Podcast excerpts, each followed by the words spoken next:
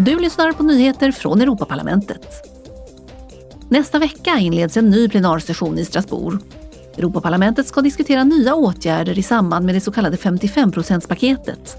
Ledamöterna kommer främst att inrikta sig på granskningen av EUs system för utsläppshandel, mekanismen för koldioxidjustering vid gränserna och den sociala klimatfonden.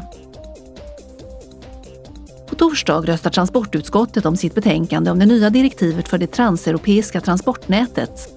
Medföredragande och skuggföredragande från de politiska grupperna har förhandlat fram en omfattande mängd ändringsförslag till hela förslaget till akt. Transportutskottet förväntas fatta beslut om huruvida de ska gå vidare till interinstitutionella förhandlingar med detta betänkande som grund.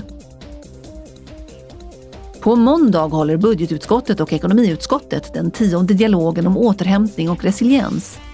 I dialogen medverkar kommissionens verkställande vice ordförande Valdis Dombrovskis och ekonomikommissionär Paolo Gentiloni.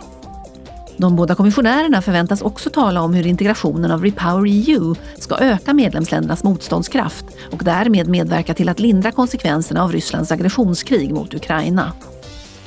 Du har lyssnat på nyheter från Europaparlamentet.